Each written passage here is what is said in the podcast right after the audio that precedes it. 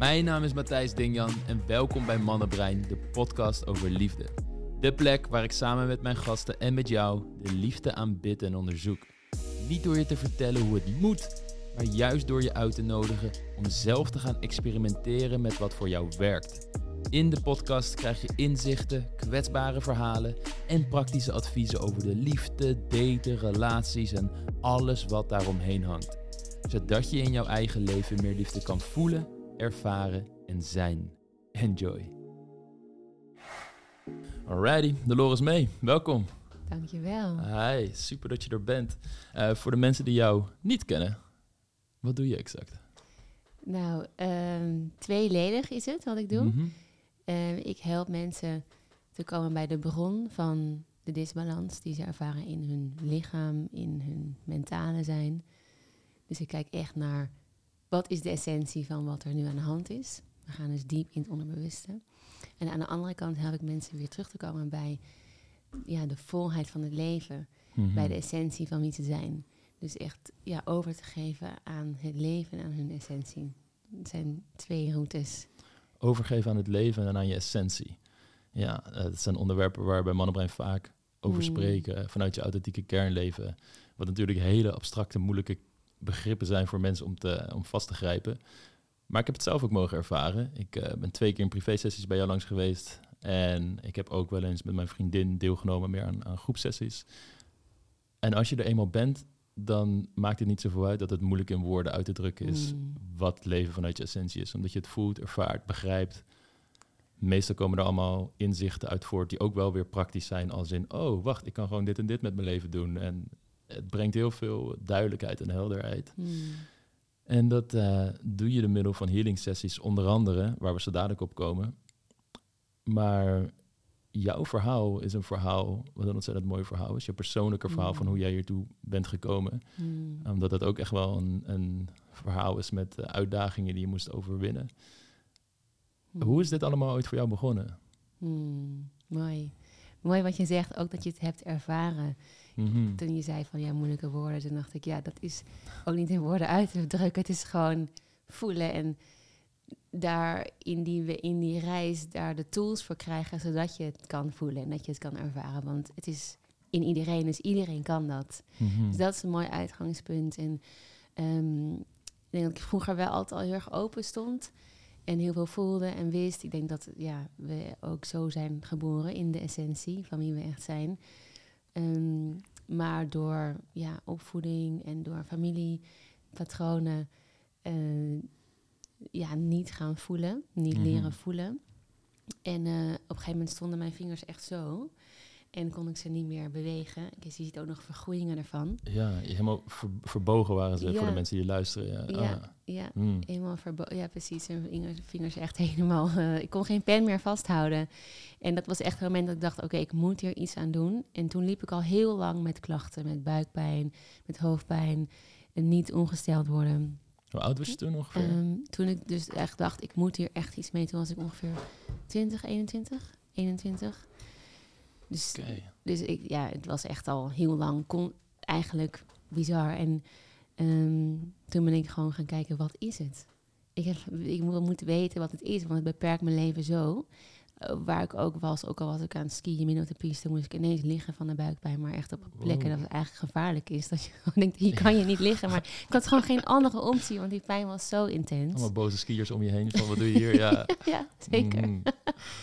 En, ehm, ja, en in het ziekenhuis bekijken ze natuurlijk alles eh, specifiek voor een bepaald onderdeel. Dus voor niet ongesteld worden ging ik naar de, naar de gynaecoloog. Voor mijn vingers ging ik naar de reumatoloog. Er werd van allerlei onderzoeken gedaan en er werd niks gevonden. Mm. Dus ja, ik was gedwongen om alternatief te gaan zoeken. En mijn moeder nam me daar wel mee naartoe. Maar ik dacht zelf, ja, wat is dat nou? En ik had wel eerder een ervaring gehad waarin mijn voeten verbrand waren geweest. Derde graad verbrand. En ehm, toen kon ik niks van mijn voeten en mijn Mm. enkels waren verbrand. En ik weet nog zo goed, echt als de dag van gisteren, dat mijn tante belde. En ze zei, ik hoor van je moeder dat je doet alsof je voeten er niet meer zijn. Mm. En ik zei, ja, logisch, want ze doen heel veel pijn. Dus ik duw het weg. Want ja, we hebben geleerd ook, je stopt een aspirintje in je, erin omdat je geen hoofdpijn meer wil voelen. Dat, ik wil de pijn niet voelen. En toen zei ze echt, dat is het domste wat je kan doen. Ik dacht mijn mond echt open viel. Wat zeg jij? Dit is toch wat ik heb geleerd? Ja, Dit is toch gewoon... bedankt tante. Ik heb pijn en jij Ja. ja. gaat er nog een schepje bovenop doen. Ja. Ja, ik moet Mm. het, soort van, ik moet, ja, toen zei ze, toen zei, toen zei ze, je moet ermee communiceren. Nou, en ik dacht echt, wat zeg jij? Ik was toen 18 jaar en ik dacht echt, je bent helemaal niet goed. Communiceren met je voeten, die gaan toch niks terugzeggen. Dus ik zei dat tegen haar en toen zei ze, nou je kan toch proberen, je hebt echt niks te doen. Je ligt op de bank, je, je vader moet je zelfs omhoog tillen, je kan echt niks. Als je water wil, moet je het vragen, weet je wel. Ehm, dus toen dacht ik, ja, daar heeft ze een punt. Maar ja, dat zit toch tussen je oren, Ja. zei ik tegen haar. Mhm. En, en toen zei zij van, ja, maar als je goed kijkt, je hele lijf zit tussen je oren. En ik zat zo en ik keek zo en ik dacht, ja, alleen mijn schouders zitten soort van niet tussen mijn oren. Ik wist toen nog niks van de kracht van onze mind, nog niks van, weet je, universele wetten, waarin in één universele wet is, alles is mentaal. Mhm. Dus daar ben ik nu natuurlijk, ja, daar ben ik uiteindelijk in gaan verdiepen. Maar toen wist ik nog niks. Maar het, ik klikte wel iets in mij. Ik dacht, ja, daar heeft ze een punt. Dus ik ga het gewoon proberen. En niemand verteld, want ik vond het super raar. Maar toen ging ik naar Beverwijk voor huidtransplantatie. Ze gingen een stuk van mijn beel afhalen Mhm. en bij mijn voeten zetten. Want derde graad brandwond hield gewoon niet uit zichzelf. En toen zei de arts van, hé, hey, dit is gek. Het is helemaal niet meer nodig, het is geheeld. En toen dacht ik echt, wow, oké, bizar, bizar. En mijn vader zei, ja, ik zag wel progressie op een gegeven moment. En dat het in één keer veel beter ging. En toen ben ik gaan vertellen van wat ik deed. Maar ja, ik was 18, ik hoefde die huidtransplantatie niet. Ik was super blij. Ik ging gewoon verder met mijn leven. ja. Dat, dat, dat was het. Het was Ah. gewoon een hele mooie ervaring. Bijzonder al. Eh, Wat, weet je nog wat je eh, exact deed? Hoe je dan contact aan het maken was? Was het gewoon met je bijvoorbeeld met volledige aandacht, acceptatie, misschien wel een soort eh liefde voelen voor je voeten of zo? Was het zoiets? Of? Nou, dat is uiteindelijk de essentie natuurlijk, dat wat je doet. Want waar je aandacht is, daar, daar ben je. Mhm. Dus als mijn aandacht met mijn voeten is, ben ik daar.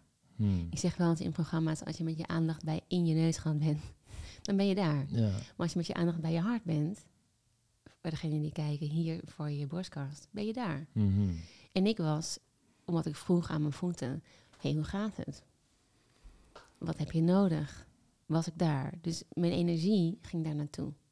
Je bent daar, de energie stroomt daar naartoe. Dus Mhm. wat je dan precies doet, maakt helemaal niet uit. Duidelijk. Je bent daar met Ja. je kracht van je mind. Dat Mhm. wist ik toen natuurlijk nog niet. Maar ik vroeg gewoon, wat heb je nodig? Was soms water, soms een steen. En misschien heeft dat wel bijgedragen dat wat, het, wat erop kwam, dat ik dat luisterde. Maar voor mijn gevoel maakt dat niet zo heel veel uit. Het is allemaal energie. Hoe Mhm. meer je het energie geeft, hoe meer het groeit. En natuurlijk Mhm. fijn als je, als, je, als, het, als je water geeft aan een plant, want dat vindt de, vindt de plant nou eenmaal fijn. Dus, dus eh, waarschijnlijk, het blijkbaar heeft het geholpen. Mm, duidelijk. Ja. En toen ehm, ehm, was ik dus 21 en toen ben ik alternatief gaan zoeken en ik vond maar niks. En ik ben echt bij zoveel mensen geweest die van bioresonantie tot ja, voedingsdingen en niks hielp. Tot ik uiteindelijk bij een vrouw kwam. En ehm, ik weet nog heel goed dat ik bij haar thuis kwam, dat ik echt naar, haar trap omhoog liep, naar haar zolderkamertje. En dat daar haar praktijk was. Ze heeft geen website, ze heeft niks, ze zit altijd vol. Echt een hele bijzondere vrouw die heel veel weet. En zij ging met mij naar hoe voelde je in de baarmoeder? Hoe voelde me in de baarmoeder? Weer zo'n vraag.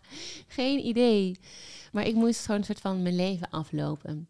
Mhm. En toen vonden we dingen die ik, waar ik mijn bewuste mind niks meer van afwist. En toen vonden we echt de bron van waar zoveel verdriet zat, waar ik mijn hart had dicht gedaan, waar ik niet meer ben gaan luisteren naar mijn intuïtie die heel sterk was, eh, waar ik soort van echt me dicht heb gezet. En toen kwam er zoveel verdriet en pijn uit dat ik, ja, ik had niet, niet echt leren voelen, daar nooit leren mee om te gaan. Dus ik, ik kon daar helemaal, ik kon er niks mee. Mhm. Er kwam heel veel uit. Mijn lichaam heelde. Mijn vingers werden nee, dit werd minder. Ik kon mijn vingers weg, gingen weer zo. Na twee weken was ik al ongesteld. Mm. En daarna ben ik altijd regelmatig ongesteld geweest. Mhm. Dus feeling is healing. Dat leerde ik toen. Maar ik kon niet met die gevoelens omgaan. Dus ik werd super depressief.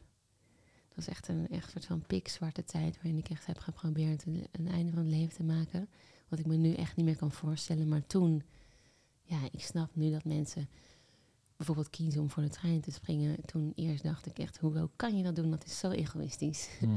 Maar toen ik op die plek zat, snapte ik wat dat is om op die plek te zijn. En dat te kunnen voelen. En ja, in die, ja, in die pijn te zitten. Tot ik me op een gegeven moment overgaf en dacht, ik, ik kan het niet meer, ik kan het niet meer. Ik hou het niet meer, ik ga gewoon... En ik val gewoon in, die, in dat pikzwarte gat en het wordt gewoon erger en erger en erger. En ik, ik geef er maar aan over. Ik weet nog heel goed, lag in bed. En ik liet me overgeven en toen ineens... Toen zag ik dat het licht was. En toen kreeg ik die realisatie van, wow, de donkerte is er alleen maar voor ons om het licht te laten zien. En het donkerte heeft eigenlijk helemaal geen, geen substantie. Het, het, het is er om ons het licht te laten zien, maar het is niet de werkelijkheid. En het was een soort van epiphany. Mhm. En ik weet nog dat ik toen dacht van, oh ja, dit is zo'n moment, een van die momenten die dan meehelpt om je weer beter te voelen. Het is niet dat je dan ineens weer beter voelt, weet je, dit is één van die momenten. En dan kwamen er meerdere en meerdere inzichten en ja, en, en toen leerde ik gewoon heel veel over eh, ons systeem, hoe, je, hoe belangrijk het is om eerlijk te zijn naar jezelf. Dat je niet zegt tegen iemand anders dat het goed gaat, terwijl het niet goed gaat, omdat je dan weer disharmonie hebt in je eigen systeem, waardoor je je minder goed voelt. Mhm. En ja, toen, toen raakte ik zo benieuwd. Ik had ook twee keer de kracht ervaren van ons eigen systeem, van het helen. Want ik was, gaan, ik was mijn emoties gaan voelen en mijn lichaam ging helen. Ja. Dus ja, en het was ook echt een ziekte die ik had, weet je, die dan ook echt geheeld is. Dus ik dacht echt, wow, hier zit iets. Ik, ik moet hier meer van weten. Ik, ik, ik wil weten hoe dit zit, hoe dit werkt. Dus toen werd ik benieuwd, maar vooral benieuwd naar mijn eigen pad. Van hoe kan ik dan in volledige vrijheid leven? Los van de patronen van vroeger, los van wat opgelegd is door media of maatschappij. Gewoon echt Mhm. vrij. En toen begon ik gewoon, ja, daar dingen in te ondernemen, in te doen, in te lezen. Hoe, op het moment dat je beschreef dat je zo omgeven bent door die duisternis, de donkerheid. Het klinkt heel erg alsof er een weerstand was, logisch. Dat is hoe mensen met pijn omgaan. Zoals je zelf al zegt, je wilt het niet voelen, dus neem je verdovende middelen, zij het medicijnen, om het maar niet te hoeven voelen. En dat je op een gegeven moment zegt van ja, maar ik kan deze weerstand niet winnen. Gewoon, dit is te overweldigend. En je liet los wat een van de engste dingen is om te doen. Want het is echt alsof je een soort afgrond invalt. Maar op het moment dat je het doet en je elimineert de weerstand, het conflict binnen in jezelf, is er opeens licht en vrijheid. En dat is een van de meest paradoxale mechanismes die ons helaas niet aangeleerd worden. En wat ik ook zelf op latere leeftijd heb moeten leren, want ik kan ook heerlijk in conflict zitten. en nog steeds af en toe hoor. Het is nog steeds echt wel een eh, manier die je moet uitoefenen. Voor mij persoonlijk dan tenminste. Iets van het loslaten. Want af en toe betrap ik mezelf van... Hey, ik zit in conflict. Die zit helemaal in mijn hoofd. Ik zit niet te voelen. En dan, oh ja, oké, kom maar weer even landen. Even naar mijn Mm. ademhaling. Even landen in mijn lichaam. Ja, En ja, ontzettend mooi dat je dat daar hebt durven doen. En dat hebt, hebt kunnen doen. En vanuit daar verder bent gaan onderzoeken van... oké, als dit mogelijk is, wat is er dan nog meer mogelijk? Wat kan ik dan nog meer gaan bereiken? Hmm. Hoe is Ja. dat voor jou nu dan om gewoon het, het leven te leiden als het ware? Hoe, hoe ervaar je het? Heb je nog, steeds wel eens van dat soort conflict situaties? Of hoe, hoe, wat ik meestal zie is dat het gewoon minder wordt in, in heftigheid, minder vaak voorkomt en ook minder lang duurt. Omdat je Mhm. gewoon beter weet hoe je ermee om kan gaan. mhm. Eh, Is, heb je, ervaar je juist iets soortgelijks? Of? Eh, ja. Voor mij het, heeft het echt heel erg te maken met alle oefeningen naar, naar, naar vrijheid. Mhm. die echt doen. Op het moment dat ik minder oefeningen doe, dan merk ik dat die, die programmeringen van het onderbewuste gewoon nog ruimte krijgen. Ja. En dan, als me dan iets geraakt wordt, iets, dus iets raakt je, omdat het natuurlijk een herinnering is van vroeger. Dus, dus het gaat nooit over het nu, maar iets wordt geraakt in je onderbewuste. En dan kan natuurlijk soms als iets heel pijnlijks geraakt wordt, die emotie weer heel hoog opkomen. En dan kan het even heel intens zijn. En, en voor die momenten doe ik elke dag, ook al voel ik me heel goed, oefeningen. Hmm. zodat die, Hmm. je noemt het Buddha seeds, zodat je soort van je veerkracht, echt de, de seeds om daarmee om te kunnen gaan, eh, ja, daar, daar zi- zitten. En dan inderdaad is het dat toepassen. En nu, ik moet eerlijk zeggen dat als ik nu iets voel, dat ik het echt toelaat, die tools kan toepassen. Maar bijvoorbeeld een jaar geleden, toen ik wat minder oefeningen deed, en dus ook echt even verwijderd was van alle oefeningen, toen kon ik er ineens weer heel erg in zitten. En toen merkte ik echt van, wow. En toen kwamen sommige gedachten weer op die ik herkende van echt lang geleden, maar ik nam het niet meer serieus. Dus het was er nog wel, maar ik dacht wel van, ik weet wel, dit is niet waarheid. Dus Hmm. dat veran veranderen is wel zeker veranderd. En nu, door de oefeningen en door weer echt de motivatie te hebben in dat pad, is dat wel echt weer anders. Nu voel ik wel meer vrijheid. Maar je weet natuurlijk nooit wat het leven brengt. Dus het leven wil Nee. natuurlijk altijd dat jij, dat we allemaal groeien en dat we steeds weer vrijer worden. Dat ik, ik denk dat dat soort van de essentie is van dat we ons hoogste potentieel, dat we dat willen ervaren. En dat denk ik terugkomen bij wie we zijn. Dus het leven gaat je natuurlijk altijd uitdagen. Dus hoe Ja. beter je je- jezelf kent en hoe meer je weet wie je echt bent. En dat ook echt voelt, wat je ook zei waar we mee begonnen. Ja, hoe makkelijker je met alles om kan gaan. Mhm. Wanneer is, eh, hoe werkt het voor jou? Wanneer ehm, weet je dat je handelt in lijn van je essentie? Van oké, dit is hoe ik echt ben, als het ware. We, kun je dat proberen te beschrijven voor me, van hoe dat, hoe dat, hoe dat voelt? Nou, wat voor mij echt, echt een soort van belangrijkste shift is, is dat je compassie hebt naar jezelf. Hmm. naar heel makkelijk, naar al je gedachten, naar alle dingen die je niet leuk vindt van jezelf, naar alle dingen waar je je misschien voor schaamt, om dat, om dat allemaal niet zo serieus te nemen, om continu te zakken in het hart waar alles welkom is, waar alles oké is, waar het helemaal niet erg is dat je mens bent en soms dingen doet die je misschien niet leuk vindt. Dat je beseft Ja. van, oh ja, dat ben ik eigenlijk helemaal niet. Dat is nu een deel van mij en ik wil dat niet, dat is al een mooi besef. En dat mag je omarmen, dat je het niet wil. En vanuit daar kan het transformeren. Dus, dus voor mij is een graadmeter hoe liefdevol ben ik naar mezelf. Hoe meer, hoe, dat is een graadmeter van leef ik hier of Mhm. zit ik dan hier? Ja, Leef ik in het hart? Ja, ik met hier? lekker in mijn hoofd, in mijn gedachten. eh, ja. Want in je hoofd, Mhm. weet je, zijn er...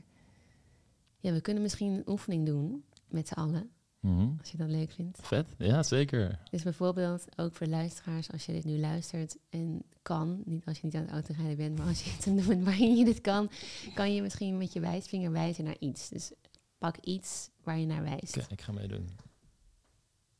En, en wat komt erop nu je daarnaar wijst? Eh, Ik zag stekkers en snoeren en toen zag ik daar gewoon het, het kleed. Mhm, Eh, nog niks eigenlijk. mhm.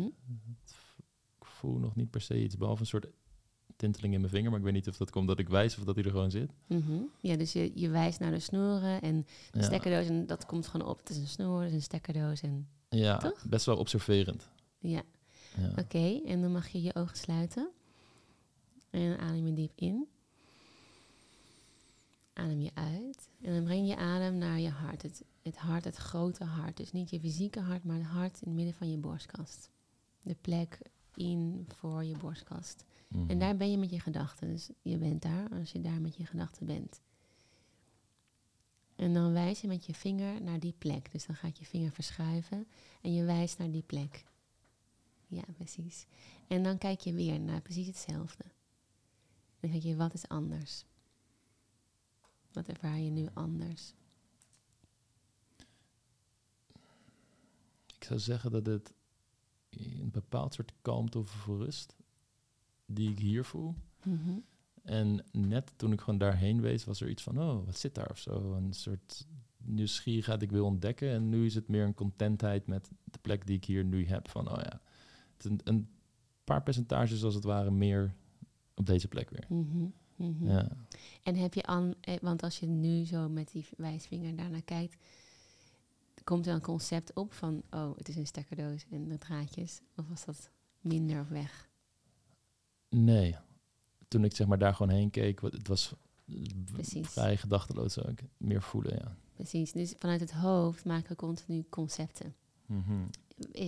we vullen dingen in vanuit wat we weten, van wat we hebben geleerd. Dat wil continu grip krijgen voor schijnveiligheid. En uh, perfect, want we, we, kunnen het hoofd natuurlijk ook goed gebruiken. Het is niet dat we iets niet moeten, dat we het niet willen meer, dat we het niet nodig mhm. hebben. Maar hoe, als je vanuit hier, vanuit het hart, je hoofd gebruikt, dan kan je overgeven aan het leven, in de flow van het leven gaan. En voelen dat de volheid en de heelheid en het geluk al er is. Absoluut. En dan kunnen we vanuit daar ja, de, ervaren.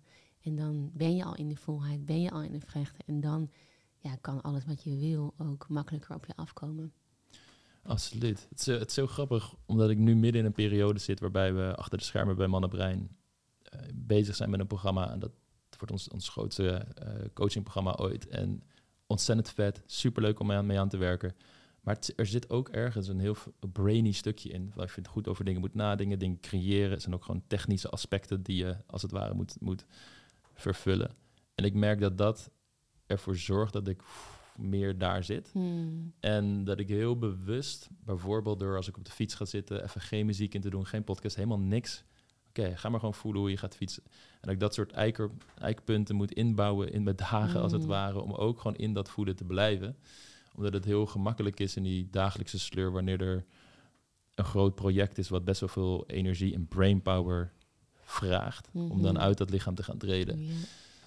En ik herken daardoor heel erg van dat je zegt van ja, als je op het moment dat je de oefeningen, de practice loslaat van het in het hier en nu proberen te zijn, je neemt de wereld echt anders waar. Als ik in mijn hoofd zit en ik zit op mijn fiets, ik zie gezichten niet echt van mensen, ik zie de bomen niet echt. Het is een soort, oké, ik moet eventjes door dit ding heen, van A naar B, om te komen waar ik wil zijn. En als ik gewoon even mijn muziek uit doe en ik let op, opeens zie ik gewoon weer gezichten van mensen, zie kleine interacties en dingetjes die me grappig genoeg altijd interesseren, waar ik wat bij voel. En wat ik nu net ervaarde, lijkt daar een beetje op. Dus oké, ik zie daar concepten en dingetjes inderdaad. Uh, en, maar als ik weer ga voelen, ik ben er gewoon weer hier. Ja, ja. mooi. Ja. ja. Dit is uh, natuurlijk jouw persoonlijke reis en alles wat je daarin hebt meegemaakt en waar je nog steeds aan het meemaken bent en aan het leren Zeker, bent. ik ben continu aan echt student van het leven. en ik merk ook hoe meer ik weet, hoe minder ik weet. Ja. Zo mooi.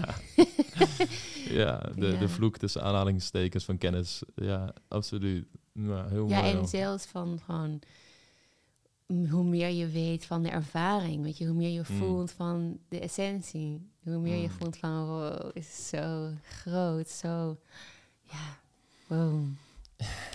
ja. ja. En op een gegeven moment heb je besloten van... hé, hey, dit heeft mij ontzettend veel gebracht. Nu wil ik het gaan delen met andere mensen. Ik, ik, ik wil mensen mm. dezezelfde ervaring gunnen... en ze hierbij helpen. Dat mooie proces wat ik heb doorgemaakt. Hoe is dat bij jou gegaan? Wanneer kwam je tot dat inzicht of tot dat gevoel? Zo grappig, want ik heb dat dus echt nooit gedacht. Mm. dus um, onderbewust denk ik wel. Mijn vader die zei toen ik hiervoor ging van ja, het is echt zo logisch, want vroeger stapte je altijd op mensen af en dan zei je wat ze hadden. Dus ik moest dat dan in goede baan leiden, zodat jij niet afgestraft werd door die mensen en dat die mensen niet te erg in shock waren omdat ze toch echt geraakt waren door iets. Dus hij vond het de meest natuurlijke stap voor mij. Maar um, omdat ik zo bezig was met mijn eigen pad en ook in alle beoefening en alle ook healing methodes die ik heb geleerd, is het ook altijd, dit is voor jezelf. En je, doet het voor jezelf. Je kan er anderen mee helpen, maar beweeg niet weg van de essentie. Dat het gaat altijd over jezelf. Er is maar één being. Mhm.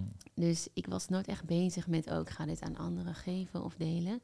Totdat iemand met wie ik werkte zei tegen mij, ja, ik ben al zo lang, voel ik me niet goed. En je hebt al zoveel geleerd. Kan je me niet een keer helpen?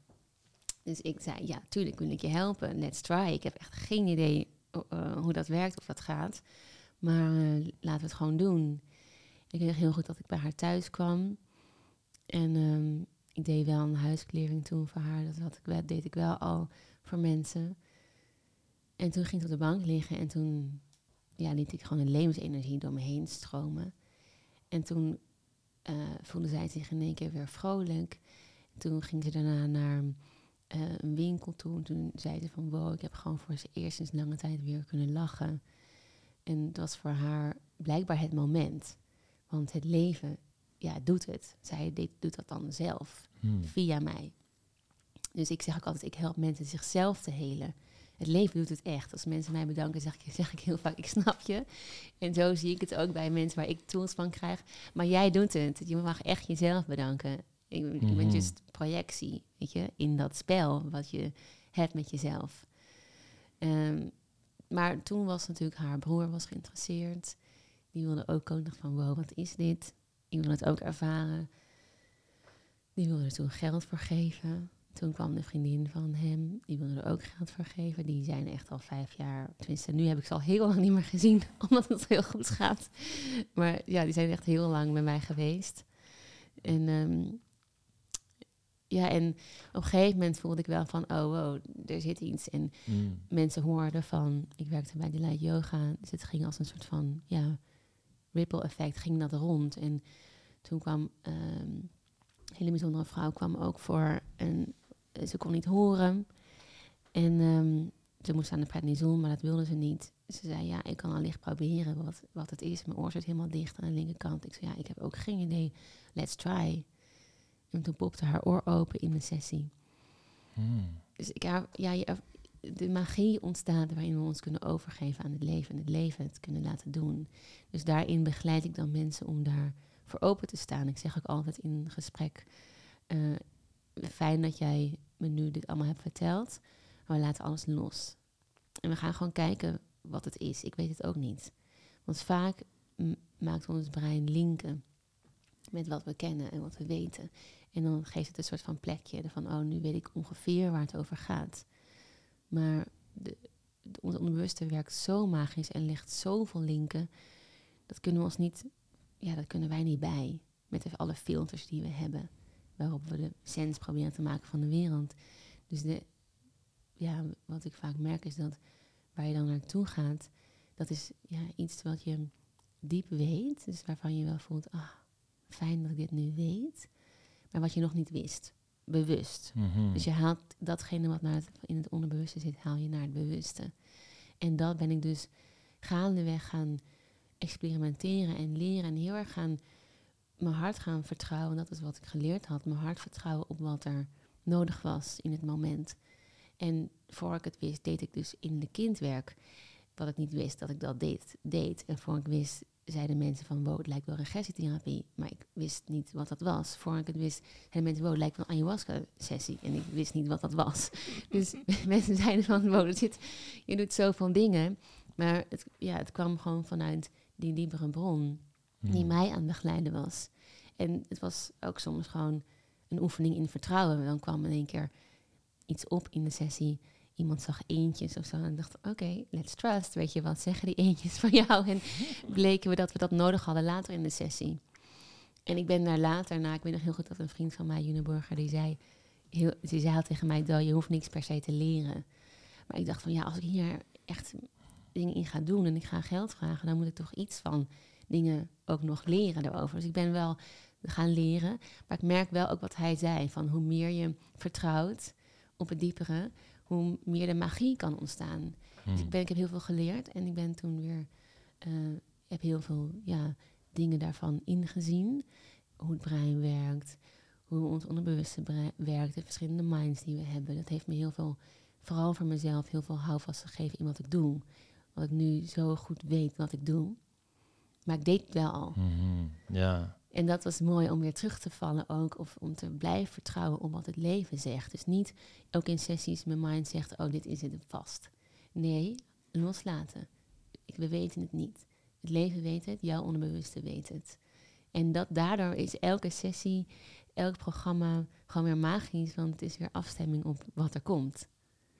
Ja. En daarom ben ik het ook meer gaan doen. En op een gegeven moment was ik zwanger. En toen zei Joya, die in mijn buik zat, had ik heel veel communicatie mee. En ze zei, mam, je moet er gewoon voor gaan. Echt praktisch gezien het stomste moment van mijn leven... dat je je baan opzegt tijdens je zwangerschap. Daarna volledig in de mama-bubbel bent. En, Oh, ja. maar ik zei tegen het leven, oké, als jij dit van mij wil... als ik zo in service kan zijn op deze manier... geef me dan nog twintig eh, klanten voordat ik met verlof ga. En de volgende dag had ik zes mensen die belden. Hmm. Hmm. En toen, tot nu, gewoon continu in afstemming zijn. Laatst, of een tijd geleden, toen zei het leven tegen mij... eh, ik wil dat je haar gaat begeleiden voor een lange tijd. Dus ik belde haar op, ik hoorde haar, ik hoorde haar en dacht... ah, ik snap wel waarom die stem kwam, waarom het leven dat nu van mij wil. Dus nu zijn de sessies iets anders. Niet meer één sessie, maar drie sessies. Nu doe ik mentorships en programma's. En nu Mhm. wil het leven op deze manier door mij heen stromen, in service zijn. En zo ben ik continu in afstemming van, ja, wat wil het leven nu? Ja. En hoe kan ik het beste in dienst zijn daarvan?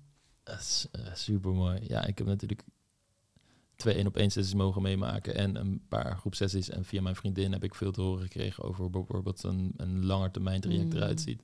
En de dingen die daar gebeuren zijn echt mooi, echt magisch. Mm. En het is een, eh, het, blij- het blijft. Je hebt natuurlijk mensen ehm, zoals Anouk Bindels hier in Nederland, maar ook eh, Joe Dispenza natuurlijk, die steeds bekender wordt, die dit soort processen enigszins in hele rationele termen proberen uit te Mm. leggen en in onderzoek, zodat er hopelijk wellicht ook een grotere groep toch een, ingang vindt om zich hier ook mee bezig te gaan houden.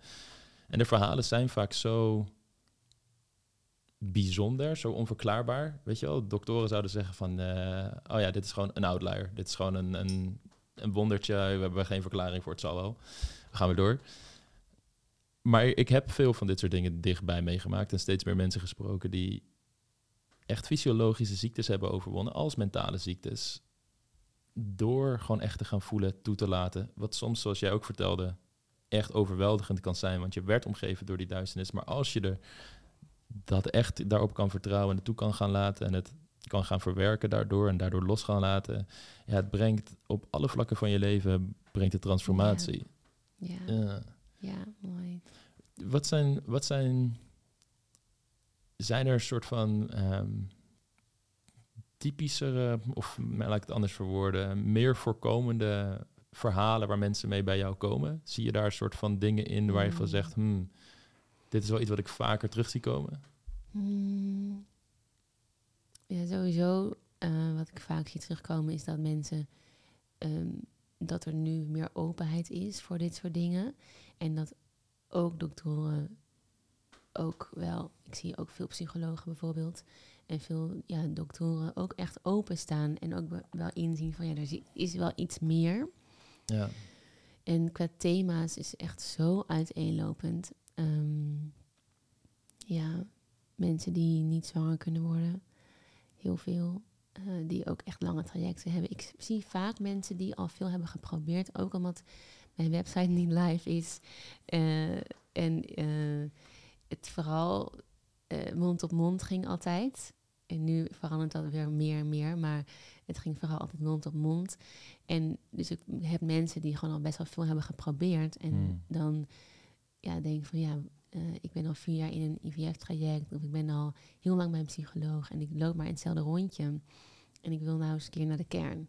Mhm. En wat heel mooi is, is dat wat er ook is, dus die, die klanten die vanaf het begin al bij mij waren, waar ik het eerder over had, die echt mij hebben aangezet hier tot, die zijn zelfs een keer gekomen van ik kan mijn huis niet verkopen. Weet je wel, van wat zit daar dan, wat zit daar voor een blokkade. Maar je gaat gewoon naar de bron. Dus het maakt niet uit waarvoor je komt. Ehm, en het mooie is, is dat wat je denkt dat de bron is, daar zit vaak iets, ja, iets onder. Bijvoorbeeld, ehm, eh, bijvoorbeeld een ehm, recent eh, kwam een eh, bijzondere man al eh, redelijk op leeftijd.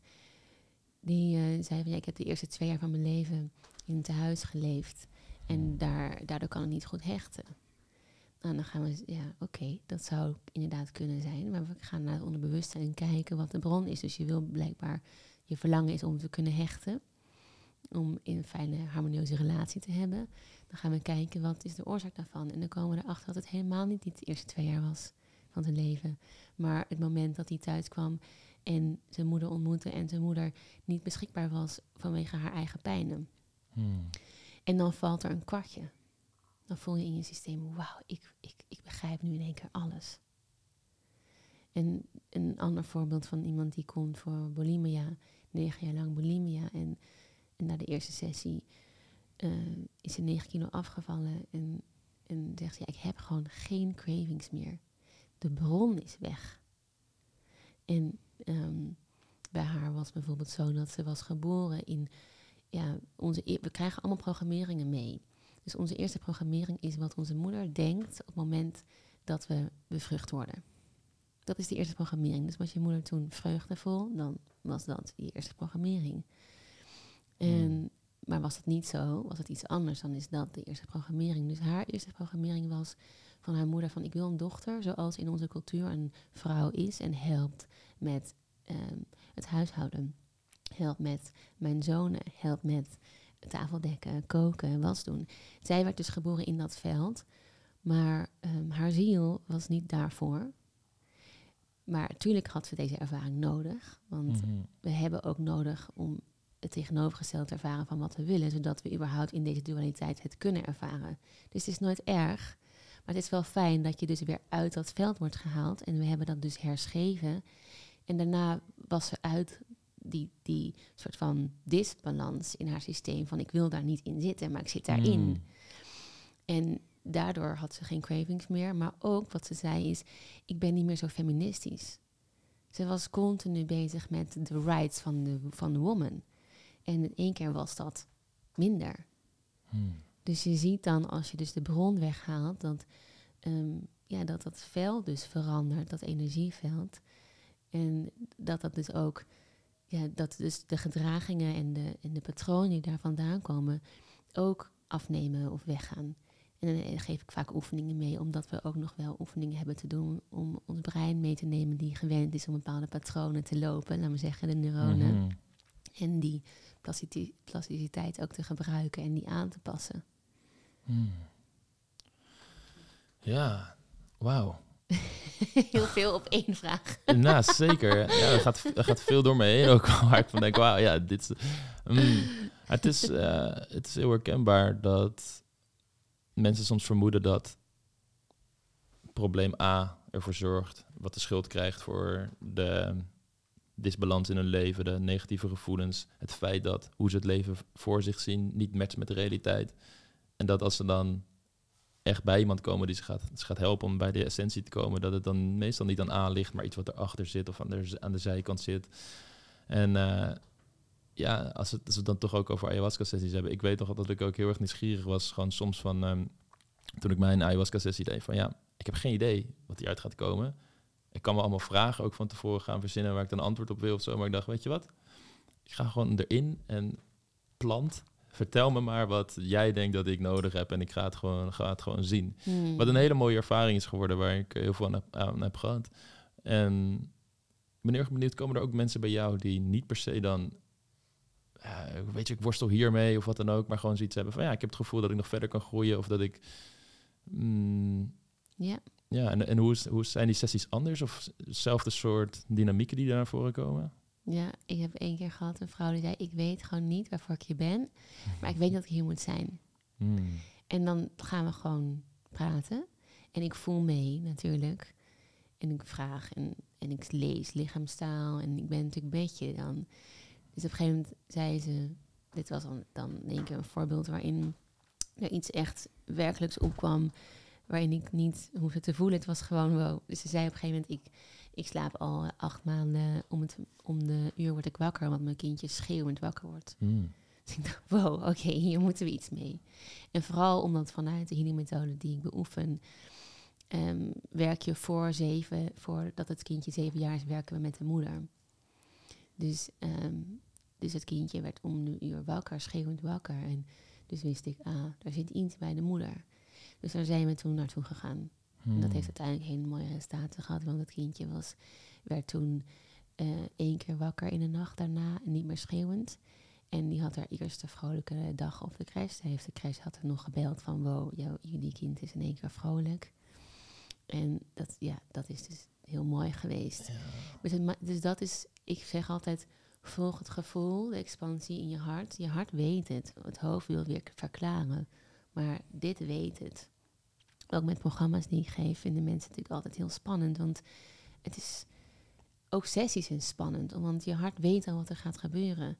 En je hoofd denkt, ah, nee, don't go there. Want eh, mijn functie verdwijnt.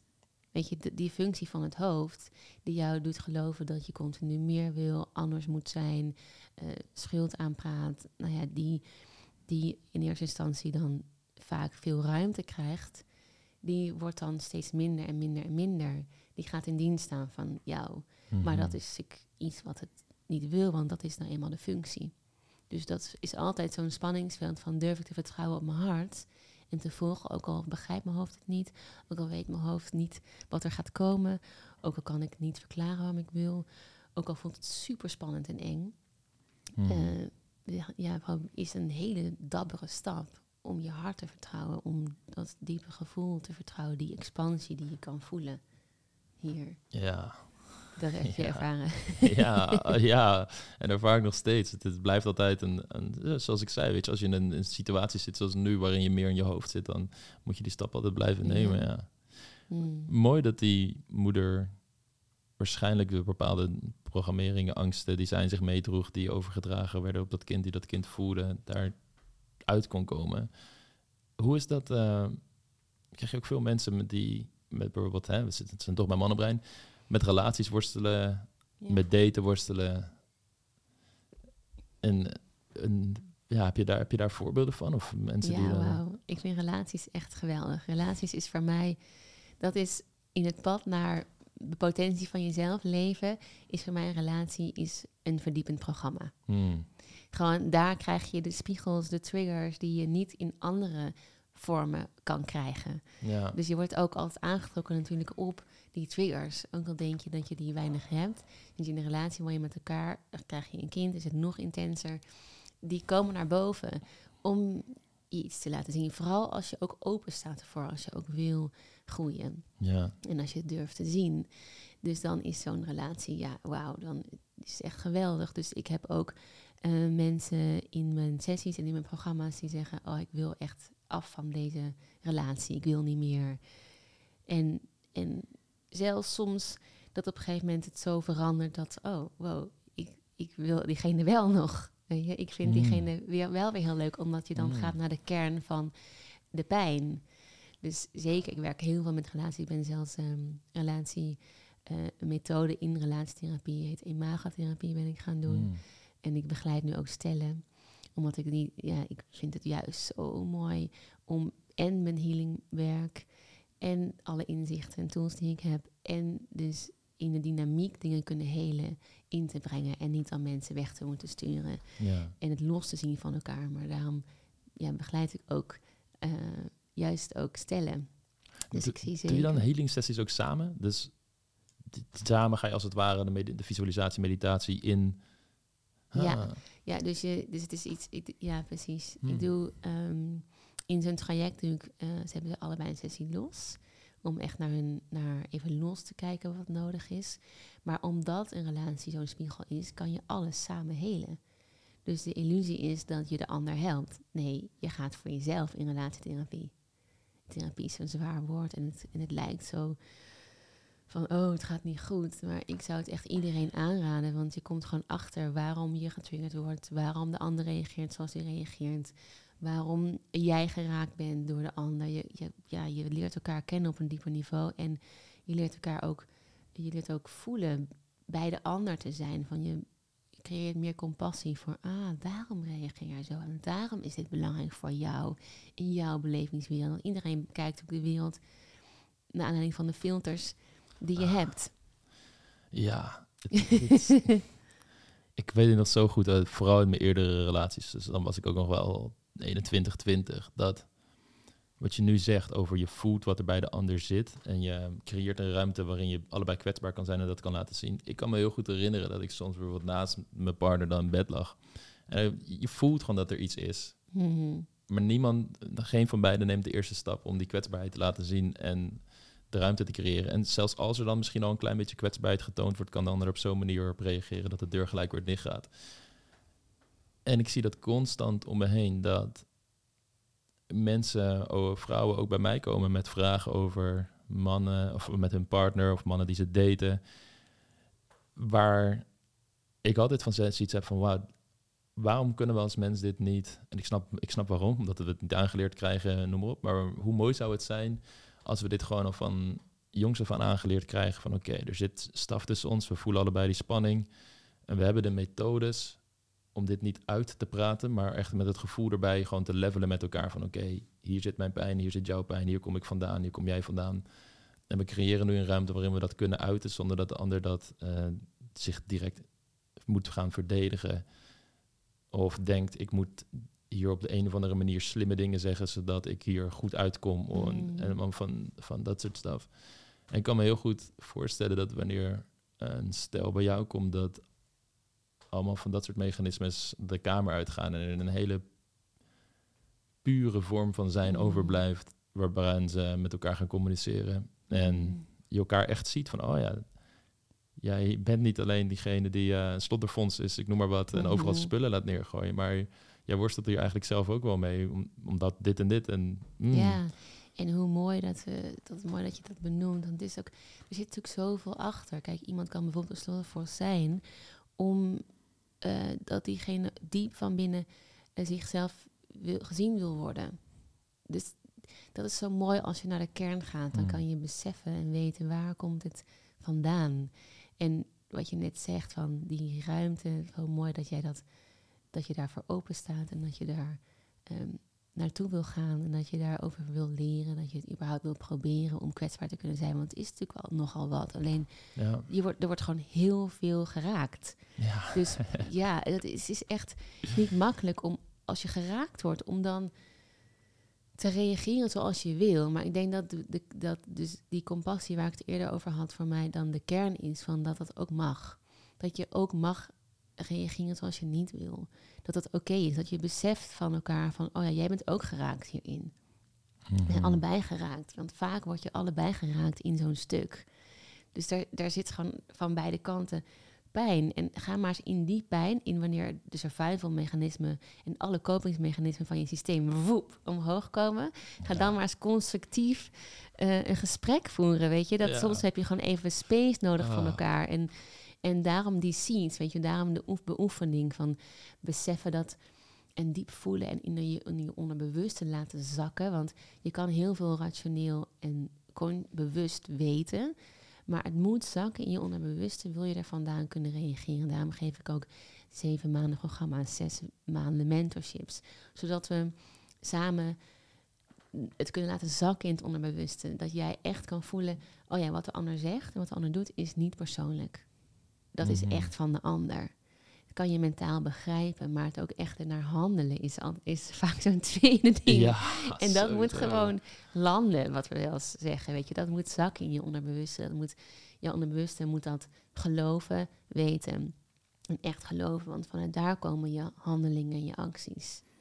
Ja, en zelfs als je er dan bewustzijn in zo'n moment hebt gecreëerd en je voelt het en je weet van oké, dit hoort echt bij de ander en ik kan daar op een liefdevolle manier reageren. Zelfs dan is het af en toe, want je bent soms ook gewoon moe. Je bent af en toe zit je gewoon ook in je, in je, in je een soort kindsdeel dat zoiets heeft van fuck you, een soort rebellerende vibe. En dan heel soms betrap ik mezelf op van ah, ja. Ik doe het nu gewoon. En ik moet en ik, ik heb moeite om dit nu te stoppen. Weet je wel? Van oké, ik, ik oefen dit patroon als het ware uit. En het is lastig om daar nu uit te stappen, omdat er gewoon ook nog delen in mij zitten. Uh, die dit stiekem misschien fijn vinden, of wat het ook is. Ja, het is ook, uh, je lichaam is natuurlijk gewend. Mhm. Dus in, ja, vaak ook als je mensen in zo'n traject stappen met mij, dan wordt het eerst even, wow, alsof het meer wordt. Maar je ziet het gewoon ineens. Dus het mhm. lijkt alsof het meer wordt, maar je wordt zoveel bewust van zoveel dingen. Dat soms ook zo. Dus die soort van, je zegt heel veel dingen in mij. waar ik soort van achter ben gekomen is dat, ja, we hebben heel veel herinneringen waar vandaan dingen komen. Maar er is ook een soort van één, uh, ja, soort van in de Toltec tradities noemen ze dat de parasiet van de mind. Uh, en in de Bijbel is het, het verhaal van de appel en de slang. En, hmm. en in meer boeddhistische teachings noemen ze het de program, de programmering. Dus er is een soort van aspect van in ons die, die maakt dat we, ja, dat we negatief kunnen denken. Dat we een soort van in, dat we in de afscheiding kunnen geloven. Ja. En dat je dus kan denken dat je iets niet goed doet. En op het moment dat je beseft en daarmee beoefent, kan het ook zijn in zo'n moment dat je dus ziet van ik wil eigenlijk zo in compassie reageren, maar ik doe het niet. Mhm. Beseffen van, oh ja, dat is een onderdeel van mij wat niet mijn essentie is. En daar dan tools voor hebben om daarmee om te gaan op, de manier, op die manier. Dat, dat maakt echt zo'n zo mooi verschil. En dan kan je dus steeds meer in dat moment, kan je eh, dat langzaam aan afbrokkelen, laten we zeggen.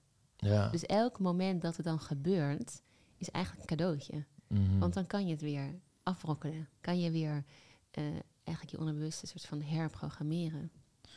Absoluut. En het grappige is dat ik ze tegenwoordig ook... Ja, ze komen sowieso, zoals ik zei, minder vaak voor, minder lang en, en noem maar op. Maar het is ook, wanneer het gebeurt, bijna interessant. Van, hé, hey, oké. Oké, ik merk dat ik dit nu doe, maar wat gebeurt er dan eigenlijk in mij? Wat is dit voor energie? Ook om het gewoon echt ehm, ja, niet te begrijpen op rationeel niveau, maar gewoon het soort van de voel begrijpen. Mm. Eh, Waarom hebben we daar geen woord voor? Maar weet je wel, dat, dat, dat ik het gewoon echt door me heen kan laten stromen en besef wat er precies gebeurt. Mm. En het is ook een spel volgens mij wat je, ehm, als je dan het over die programmering hebt, wat je uiteindelijk niet echt kan winnen. Ik zie het vaak eh, bijvoorbeeld met vrouwen die dan de relatie moeten gelukkig maken. En ze jagen die relatie na. En zelfs als het ze lukt, dan vinden ze daar wel weer aspecten in dat de relatie toch weer niet voldoet aan dat plaatje. En dat blijft eeuwig doorgaan. Ik zag een hele interessante ehm, video op YouTube van een bekende YouTuber die altijd het gevoel had dat hij meer kon doen voor zijn business. En toen zei hij, weet je wat, ik ga een challenge aan samen met twee vrienden. En ik ga gewoon letterlijk al die dingen die ik van mezelf, van dat stemmetje moet doen, ga ik doen. Dus van social media af, eh, zijn telefoon alleen bepaalde uren, elke dag sporten, elke dag gezond eten, elke dag alleen maar lezen, werken. Dus al die dingen die hij van de productiviteitsstemmetje in zijn hoofd moest doen, ging hij doen. En hij deed er nog extra challenges bij per week, want hij ging het dan een maand doen. En de eerste week moest hij bijvoorbeeld vijf uur mediteren achter elkaar. Een andere week eh, ging hij vier dagen vasten. Gewoon echt wel heavy dingen daar nog bovenop. En hij kwam erachter dat zelfs dan had hij nog steeds het gevoel... ja, ik doe het nog niet goed genoeg, want Mm. wat ik doe, kan ik dan nog beter doen. Mm. En toen zei die twee vrienden van hem, met wie hij de challenge aanging, ook van ja.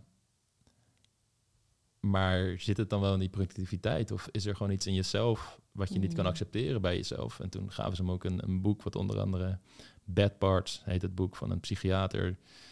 Die als het ware beschrijft van ja, je hebt gewoon je vrolijke kindsdeel wat ook gewoon wil spelen, in het moment wil zijn en wil genieten. En als dat overruled wordt door de soort van productiviteitsgoeroe of wat dan ook, eh, en daar geen ruimte aan laat, dat je in dat, in dat innerlijke conflict komt, in die Mm. weerstand.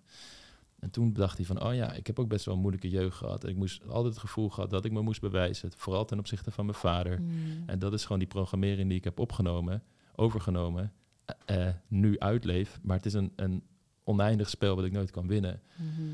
Toen zag je die hele relief van, oh, oké, Yes. ik kan hier uitstappen en dit gaan loslaten.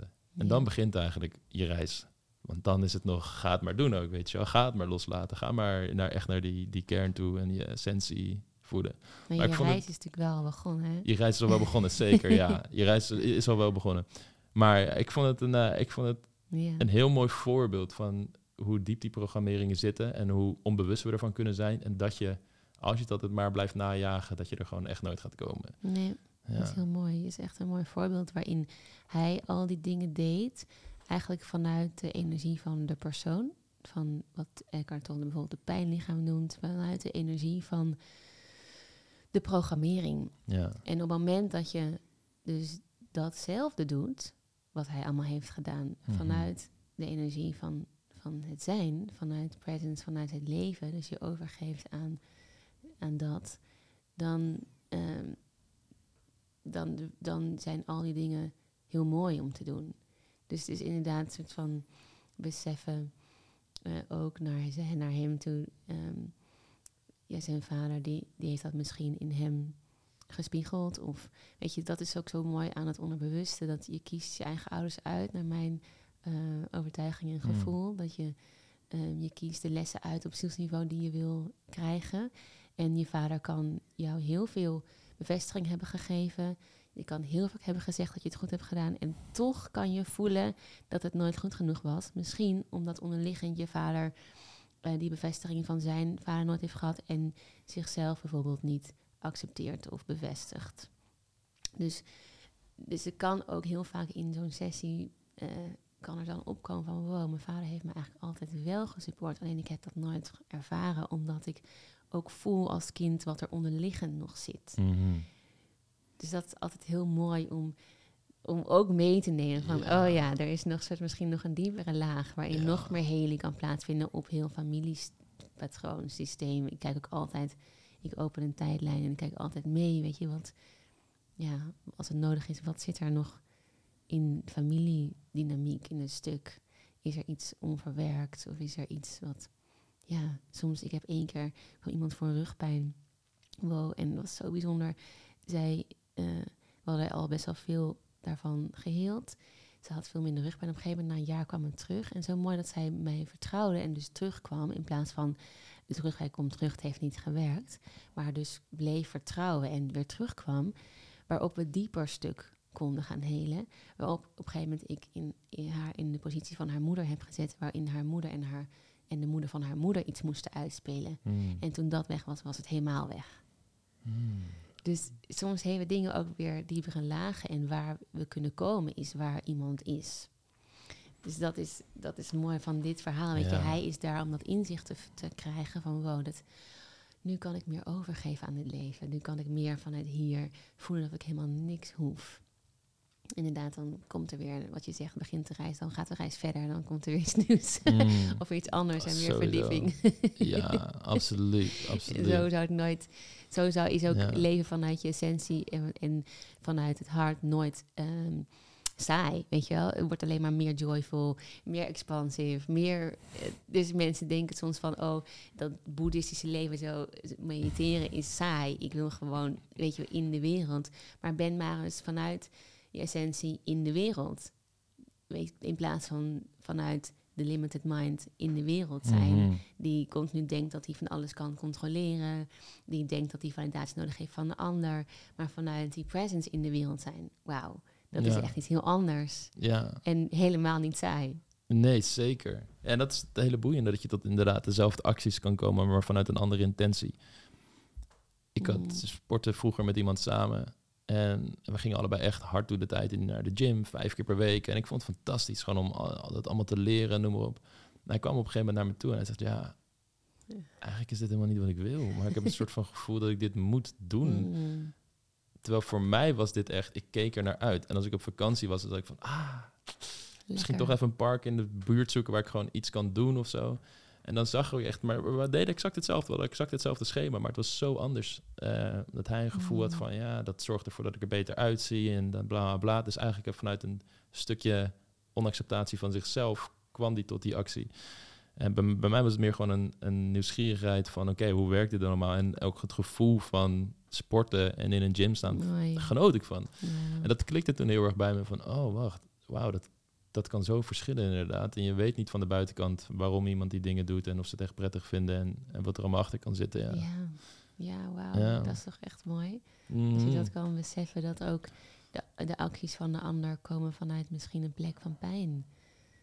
Weet je, dan, Mhm. dan voel- daarmee voel ik wel compassie voor eh, ja, de mensheid. Dat, we, dat is ook echt wat gegroeid is door de sessies. Dat ik zoveel mensen van zoveel verschillende ja. achtergronden, leeftijden zie. En mensen zien die dingen doen die ze niet willen. En dan achterkomen waardoor, waarom ze dat doen. Gewoon, we, we kunnen niet, we kunnen ons onderbewuste niet controleren van buitenaf. We kunnen alleen maar zien wat er zit en van binnenuit verandering brengen in de uiterlijke wereld. Dus ja, het is zo mooi als, we, als er weer zo'n inzicht komt van, oh ja, als ik in het moment ben, ik ervaar dat zelf ook, dat moment dat ik ervaarde van, oh ja, als ik in het moment ben, dan maakt het niet uit wat ik doe, dan geniet ik. Hmm. En als ik iets moet van mezelf, of als ik denk dat ik dit doel moet nastreven, dan, en, dan, en, en dus niet vanuit die presence dat doe, dan ben ik aan het rennen voor wie, voor wat, voor... En soms kom je er pas later achter van, oh ja, dit ben ik aan het doen. En eh, Ja. dan dus blij zijn dat je erachter komt in plaats van boos worden. Dat, dat is eh, hoe het dan minder grip kan krijgen. ja. Dus dat is denk ik heel mooi dat jouw ehm, vriend dat doorhad. Van, wauw ja, ik doe dus eigenlijk niet omdat ik het echt wil. Zo zijn natuurlijk heel veel mensen die werk doen stiekem voor een bepaalde goedkeuring van een van de ouders, terwijl ze dat niet weten. En dieper weet je het wel, want je, als je het niet leuk vindt, weet je, als je het niet het joy ervaart, dan weet je dat er iets zit. En dan zou je nieuwsgierigheid mogen eh, openen voor nieuwsgierigheid van, oh ja, ik wil wel eens weten wat er dan zit. Mhm. Waarom vind ik dit niet leuk? Waarom wil ik stoppen met werk? Zoveel mensen die bij mij komen ook waarom ik wil stoppen met werk, maar het lukt niet. Ik wil uit deze baan, maar het lukt niet. Ik wil uit deze relatie, maar het lukt niet. Weet je, ik, dus overal waar je vast zit, Ja. het werkt niet om het vanuit wilskracht te proberen. Het kan, we kunnen heel veel wilskracht, maar je put je lichaam uit. Ja, absoluut. Absoluut. De energie die het kost om daar constant in het conflict te zitten, is enorm. En al die energie zou zo mooi besteed aan kunnen worden aan, weet ik het, wat voor prachtigs je creëert in deze wereld. Of gewoon met de mensen zijn met wie je wil zijn en die energie delen. Wat het ook is, Genieten. Ja, plezier. ja. Ik, eh, ik denk dat het een hele mooie is eh, om deze podcast in ieder geval af te ronden. Voor de mensen die jou willen vinden, je, ik noem- hoorde je al zeggen, ja, mijn website staat niet live. Hoe kunnen ze jou het beste eh, Ja, bereiken? dat is echt ook zo'n ding waar ik dus de laatste tijd mee heb gewerkt. Eh, ik weet nog dat een vriendin een briefje gaf van... hey, nu zie ik het ook, het is al perfect. Gewoon die soort van echt overgave aan... Mm. Het maakt niet uit. Dus ik ben het laatste jaar, half jaar heel veel stappen gezet in... perfectionisme loslaten en gewoon doen. En, eh, Mooi. en deze website is ook echt eh, bijna live. Maar je kan me altijd vinden op Instagram. Instagram, oké, Ja. helder. Ik zal Ja. het in de beschrijving van de, deze podcast gewoon neerzetten hoe mensen je dan kunnen vinden. Ja, ik vind het altijd leuk om te horen hoe het met je heeft gedaan. Om, te, om van mensen te horen in DM's. Ja, vind ik leuk om, om contact te hebben. Super. Ontzettend bedankt dat je er was. Ik heb genoten. Ik denk, ik, ik- ja, ik vond het heel mooi. Dankjewel voor je, je openheid en je eerlijkheid. Ook over je persoonlijke verhaal. Mm, jij bedankt voor je interesse en voor je mooie persoonlijke verhalen. Thank you. En mooi dat je dit pad ook bewandelt. Het is echt een pad met, voel ik, voor courageous heart, voor moed. Mm. Ja, Zo voelt het wel, ja. Mm. Zeker. niet Dankjewel. makkelijk.